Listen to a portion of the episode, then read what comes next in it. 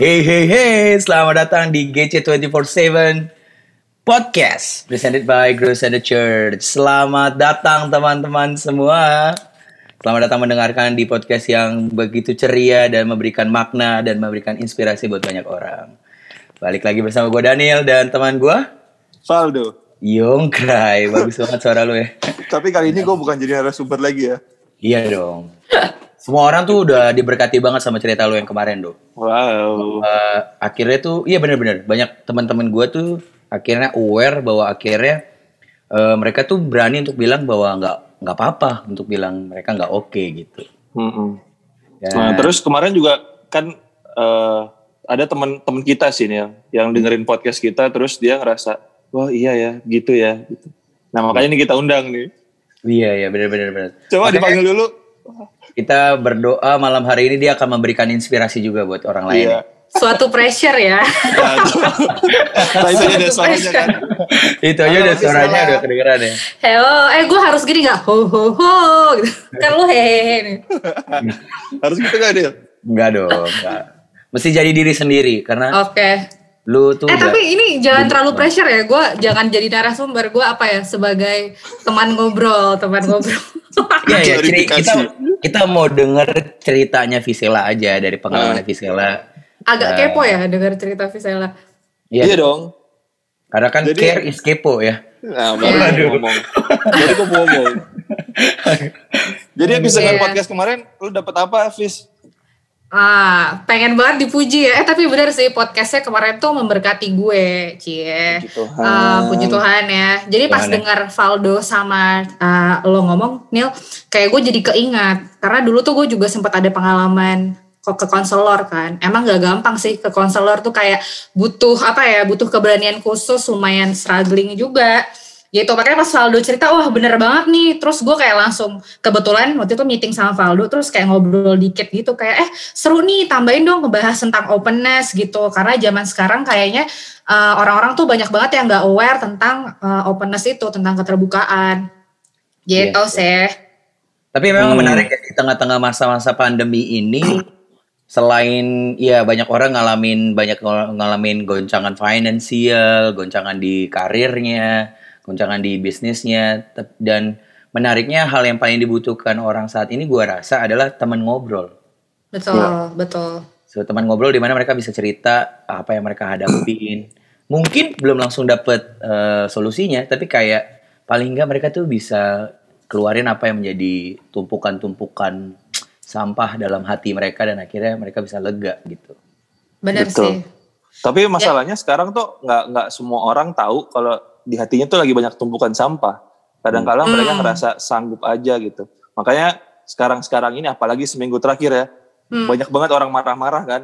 Hmm. Banyak banget orang marah-marah disuruh putar balik marah-marah yeah, sama yeah. paket orang kurir paket marah-marah, ibu-ibu hmm. bilang ntar yeah. pinter, kebalikannya tapi. orang orang disuruh putar balik marah-marah ya. Coba Fis kamu putar balik.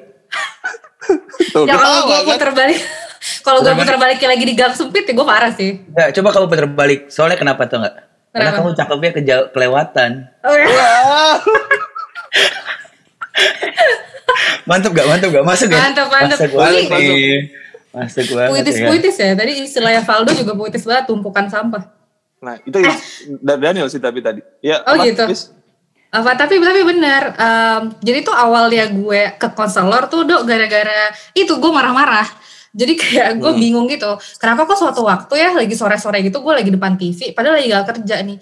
Ada suatu hal tiba-tiba yang bikin gue langsung sepaneng, terus gue marah-marah, terus gue ngechat orangnya tuh bertubi-tubi gitu loh. Lu ngerti gak sih kayak chat yang hmm. terus-terus-terusan gitu. Terus kayak gue marah-marah banget. Sampai satu titik terus gue pause bentar, terus gue nanya ke diri gue sendiri, kok gue kayak gini sih? Biasanya gue gak kayak gini deh, ini kenapa nih gue marah-marah kayak gini? Terus tiba-tiba gue mau nangis sendiri Nah berawal dari situ tuh gue mulai kayak nyadar ini kayak ada suatu hal yang gak benar, ini bukan gue seperti biasanya.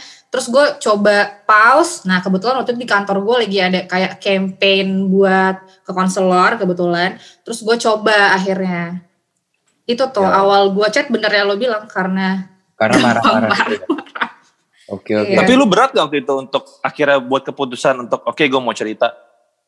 Iya lumayan lah berat soalnya kan uh, apalagi kalau buat yang kenal gue kan gue misalnya lumayan apa ya uh, apa sih mungkin dilihatnya lumayan tangguh ya apaan sih gue mau jadi sendiri nggak maksudnya lumayan yang kayak Iya ya kan kalau biasanya kan uh, kalau orang lihat kan visual ini ekstrovert ya, kayak mm -hmm. selalu ceria, membawa keceriaan yeah. ke semua orang. Iya, pasti waktu itu gue rasa nih kalau gue curhat nanti gue dikira lemah ya, atau enggak dikira apa ya, dikira ah lah masa gini doang aja lo curhat sih, kayak masalah gue dikira sepele gitu loh. Hmm. Awal-awal gitu sih struggle-nya. Cuman ya gue berpikir um, udahlah nating tulus coba aja dulu, karena kan kalau nggak dicoba ya gue nggak pernah tahu juga kan gitu yeah. terus ternyata terus pas gue ke konselor gue nangis loh padahal gue nggak ada niat jadi gue nggak ada niat hmm. kayak oke okay nih gue nanti ke sana mau nangis enggak gue cuman uh, jadi kayak konselor kan emang punya cara ya buat nanya sebenarnya lagi ada apa gitu ya waktu itu gue digali-gali terus gue ngikutin aja terus gue beneran nangis terus gue jadi kayak oh ternyata selama ini gue ada masalah ini ya gue nggak tahu gitu hmm. kalau nggak gara gue raga open gue nggak tahu tuh kalau ternyata gue punya masalah ternyata hmm, wow. jadi setelah lo habis uh, share sama konselornya yang lu rasain apa? Um, sejujurnya gue udah agak lupa nih, cuman uh, gue lupa percakapannya apa pada saat itu. Cuman kesan yang gue masih ingat sampai sekarang adalah satu gue jadi tahu bahwa sebenarnya ada masalah yang selama ini gue hmm. gak aware. Terus dua gue jadi lega karena gue tahu abis ini gue harus ngapain. Karena kalau misalkan gue awalnya aja gue nggak ngeh, gue punya masalah itu kan gue nggak tahu juga apa yang harus gue lakuin kan. Yang gue tahu ya gue marah-marah aja terus, atau gue gampang irritate gitu. Nah gara-gara uh, ngobrol ini gue jadi tahu nih oh ternyata gue harus cari jalan keluarnya gitu. Hmm. Yes. Jadi awareness lo tiba-tiba keluar gitu ya untuk tahu lo punya masalah ternyata.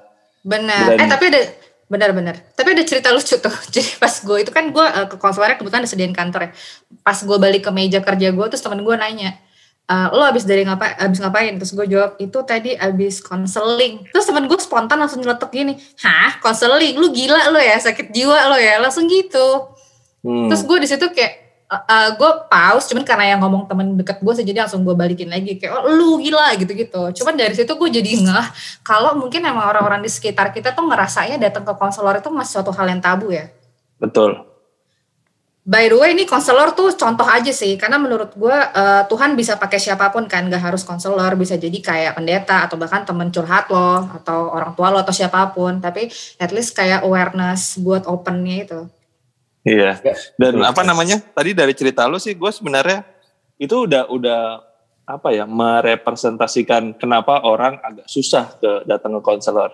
Mm -hmm. karena banyak stigma gitu kan. Gue udah share dikit sih di episode sebelumnya. Tapi gue cuma ingetin lagi pertama ya karena orang yang datang konselor akan dia dia ngerasa dirinya lemah gitu. Padahal kan enggak. Karena orang banyak berpikir kita tuh punya kekuatan kok untuk uh, ngatasin masalah kita betul kita punya kekuatan tapi kadang-kala kalau kita nggak aware masalahnya apa gimana kita mau hadapin masalahnya gitu kan jadi gue sih tetap encourage lu datang untuk cerita ya gue punya satu cerita sedikit sih ada hmm. gue uh, yang mengganggu gue tuh yang cukup mengganggu adalah gue tuh orangnya overthinking.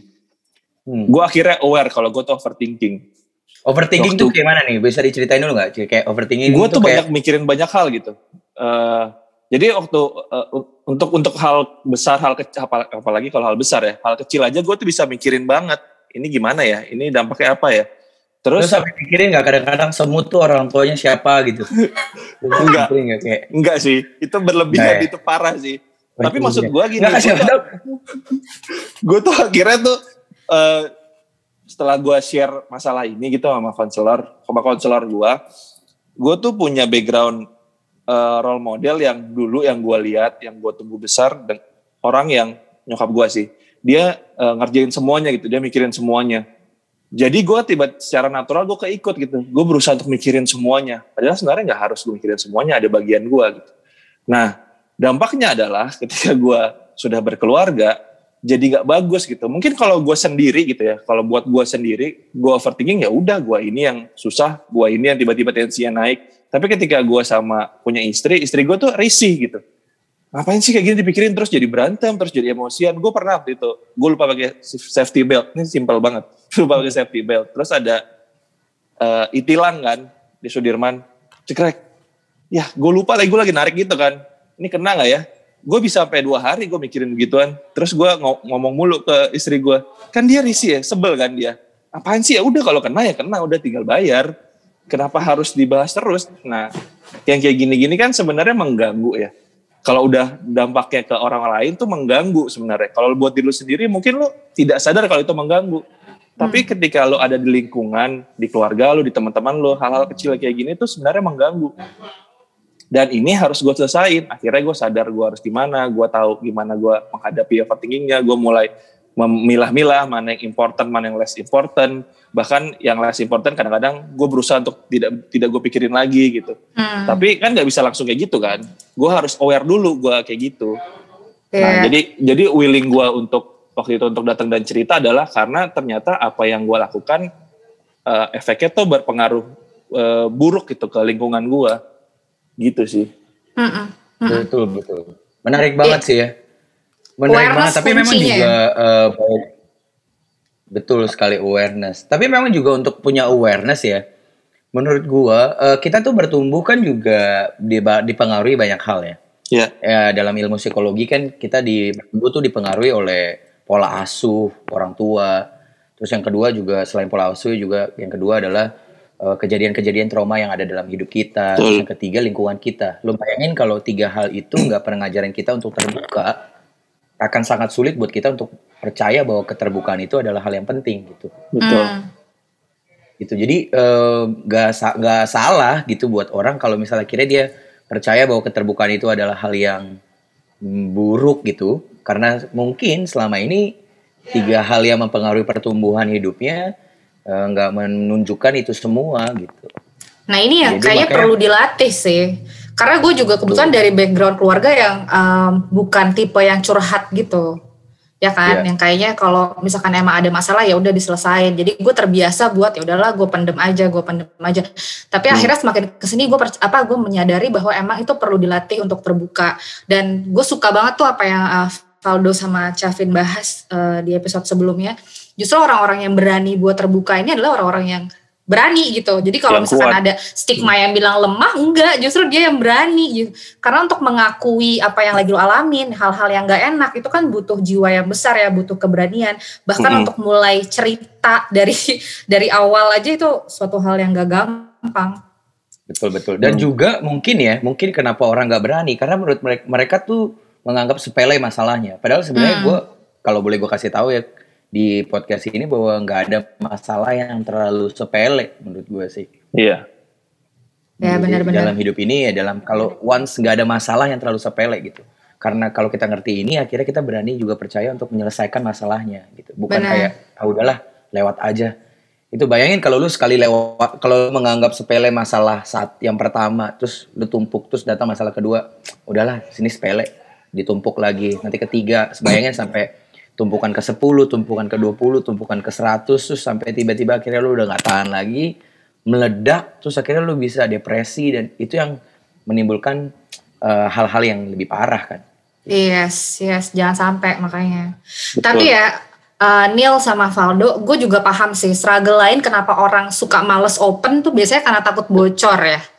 Nah, bocor. Iya kan, maksudnya kayak dia Iya, cerita ke nggak gampang gitu zaman sekarang kan lu cerita uh, ke siapa terus benar-benar dijaga rahasianya gitu sih. Iya. Jadi waktu itu juga ini nih salah satu yang kenapa gue suka males cerita, gue pendem aja karena gue suka nggak percaya, apalagi orang-orang yang mungkin punya trust issue kan. Uh, jadi kayak Hmm. ini gue mau cerita ke siapa ya? Jadi akhirnya udahlah pendem aja gitu sih.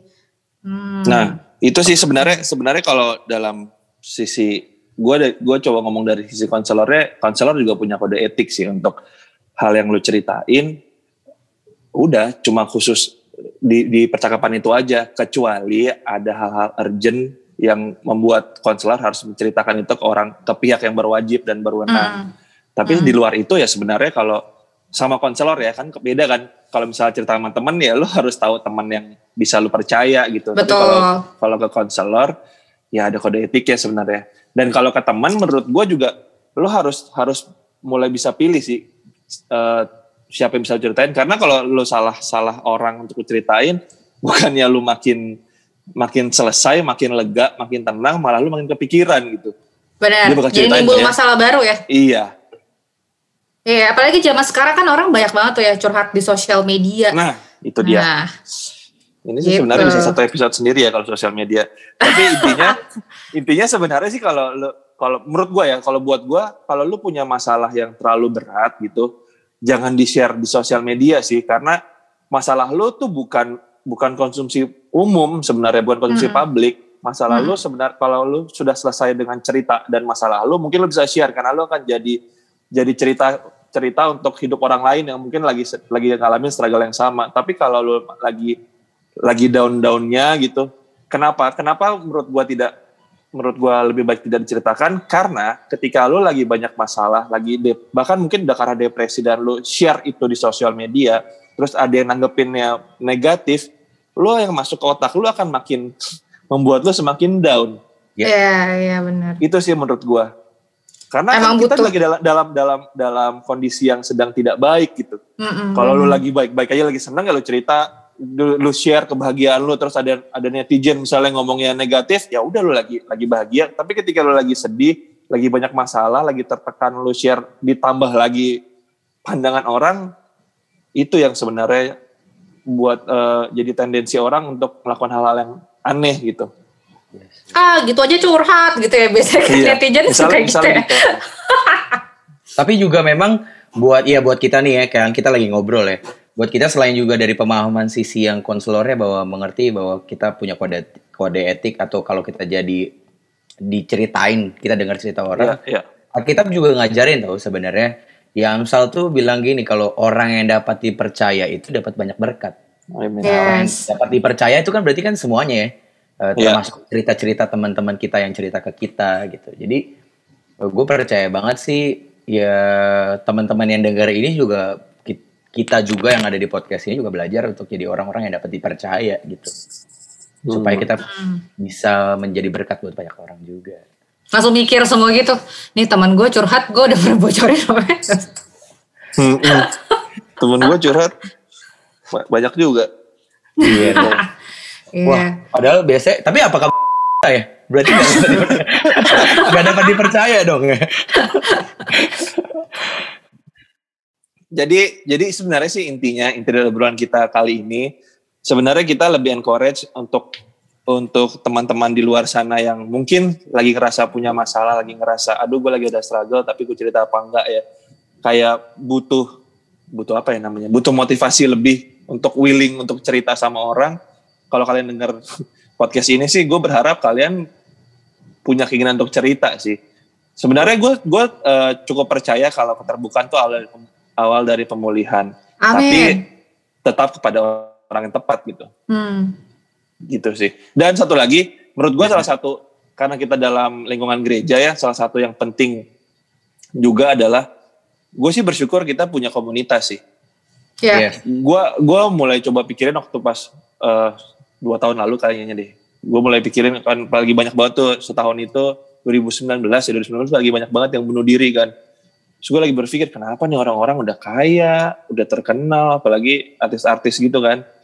Ngapain lu masih bunuh diri ya? Apalagi Hmm. kurang di hidup lo gitu. Gue sih mulai coba berpikir gitu ya. Kayaknya mereka tuh tidak punya tempat di mana mereka bisa cerita, tempat di mana Hmm. mereka bisa jadi apa adanya. Mereka selalu dijudge dengan apa yang mereka tampilkan di mungkin di TV, mungkin di depan orang-orang, tapi nggak bisa jadi diri sendiri gitu dan mereka nggak punya teman cerita. Nah, ketika gue hidup gue, gue mungkin belum seter, gue nggak seterkenal orang-orang itu ya, belum sekaya orang-orang itu, tapi gue punya teman-teman untuk cerita, gue punya komunitas, gue bisa bertumbuh. Ketika gue punya struggle, gue bisa bisa share burden gue dan kita jalan sama-sama. Itu sebenarnya justru bikin eh, bikin gue semakin kuat gitu atau hadapin masalah. Gitu sih kalau gue. Benar Wow. banget sih. Bisa jadi tempat buat latihan cerita juga sih. Nah, Kalau yang tadi itu tuh yang gak kebiasaan, ya latihan di cool tuh benar banget sih di komunitas. Iya. Dan sekali lagi sih buat teman-teman juga yang lagi dengerin ya, buat yang butuh keberanian untuk mau cerita ke orang yang tepat. eh, sekali lagi gue mau kasih tau bahwa nggak ada masalah yang terlalu sepele teman-teman. Bahwa Betul. apa pun keadaan lu, it's good untuk mau cerita ke orang lain dan eh, percayalah bahwa nggak ada masalah yang terlalu sepele. Jadi kita nantikan cerita-cerita teman-teman untuk bisa cerita ke kita mungkin. Minta ya. Dan mungkin ini uh, Neil nambahin lagi, nambahin dikit. Uh, kenapa sih kita harus open gitu kan tadi kita udah ngebahas struggle-struggle ya kan kenapa sih kita Hmm. harus open kalau bisa dibilang gue tuh suka ini nih gue tuh suka mikir what would Jesus do kan nah kalau lihat dari cerita di Alkitab kan even Tuhan Yesus tuh uh, dia nggak segan-segan menunjukkan waktu dia lagi sedih banget kan. Maksudnya dia Tuhan gitu maksudnya dia bisa melakukan segala sesuatu tapi dia nggak segan untuk open uh, di depan murid-muridnya. Kalau emang dia sedih kalau emang dia ngerasain perasaan itu itu sih. Jadi dari situ gue merasa bahwa ya emang kita tuh manusia gitu. Ketika kita mau open kita menyadari bahwa kita tuh emang manusia. Jadi kayak kita memberi kesempatan Tuhan untuk nunjukin kuasanya atas hidup kita kan gitu sih Ya. Uh, dan ayatnya firman Tuhan kan bilang kan tuh cukuplah kasih karuniaku bagimu sebab justru dalam kelemahanlah kuasaku menjadi sempurna gitu Mantap. Amin. Ciamik. Ya. Tapi juga menarik ya, salah satu mungkin yang bisa nanti dibahas selanjutnya di podcast ini adalah cerita anak sulung gitu. Cerita anak sulung yang di Alkitab di Lukas. Cerita anak Hmm. sulung ini adalah anak yang selalu berusaha menjadi sempurna kan di mata bapaknya. Selalu ada di rumah, selalu ada di rumah melakukan semua yang bapaknya mau, tapi ternyata dia lah melakukan semuanya bukan untuk bapaknya, tapi untuk menutupi eh, diri si asli diri a- keaslian dirinya Hmm. gitu keaslian dirinya dan akhirnya waktu adiknya pulang bukannya Dia seneng. malah bukan bukan dia seneng malah akhirnya marah-marah Mm-mm. marah-marah berarti kan selama ini ada masalah yang dia umpetin dan akhirnya waktu Mm-mm. ada pemicunya tiba-tiba itu meledak gitu nah jadi gue mau kasih tahu ke teman-teman juga yang lagi dengerin gitu enggak, jangan terlalu menjadi men- berusaha menjadi perfect guys karena lu udah Ya. dikasihi lu udah dikasihi Tuhan udah sayang sama lu apa adanya meskipun lu bisa jatuh dalam dosa meskipun dalam dalam masalah Tuhan udah sayang sama lu tapi yang Ya. Tuhan mau adalah lu bangkit dari setiap masalah itu berani terbuka dan akhirnya berani pulih bersama-sama Amin. aduh terharu nih gue Seru ya kita ngobrol hal ini ya. Gitu ya. Ini thank you podcast so hari ini kita ngobrol soal soal apa sih jadi intinya? keterbukaan guys berani terbuka berani terbuka Berani terbuka. Jadi teman-teman kita invite sekali lagi untuk berani terbuka ya. we dare you Yes. Azek yoi it's okay untuk cerita it's okay to be open Cielah. Wah ditambahin ya juga. Itu judulnya ntar ya. iya It's benar okay to be it's open. okay to be open Yoi. Ya kalau tadi Daniel bilang nggak ada masalah yang terlalu kecil, sebenarnya juga nggak ada masalah yang terlalu besar untuk diselesaikan. Masalahnya kitanya itu mau nggak untuk terbuka. Gimana orang lain mau tolong kita kalau kitanya nggak mau terbuka dan kadang-kala kita tuh ngerasa eh, sanggup dan nggak mau ditolong gitu. Gitu aja. Ada lagi yang mau tambahin? udah kayaknya dari gue sih ya gue udah terharu nih gue dengernya yoi Tuhan. Semoga Sekali setelah lagi. ini kita mau dengar cerita-cerita orang-orang yang terharu kayak Vistela ya. Betul. Dan semoga podcast kali ini menginspirasi teman-teman semua di luar sana untuk berani Amin. terbuka dan mau bertumbuh bersama-sama dengan Yesus Kristus tentunya. amin Amin. Dah. So, Thank you ya Daniel, semuanya. Daniel pamit, thank you Faldo pamit, Visela pamit. Vistela Thank pamit. you. Dadah. God bless. Bye. bye Oh. God bless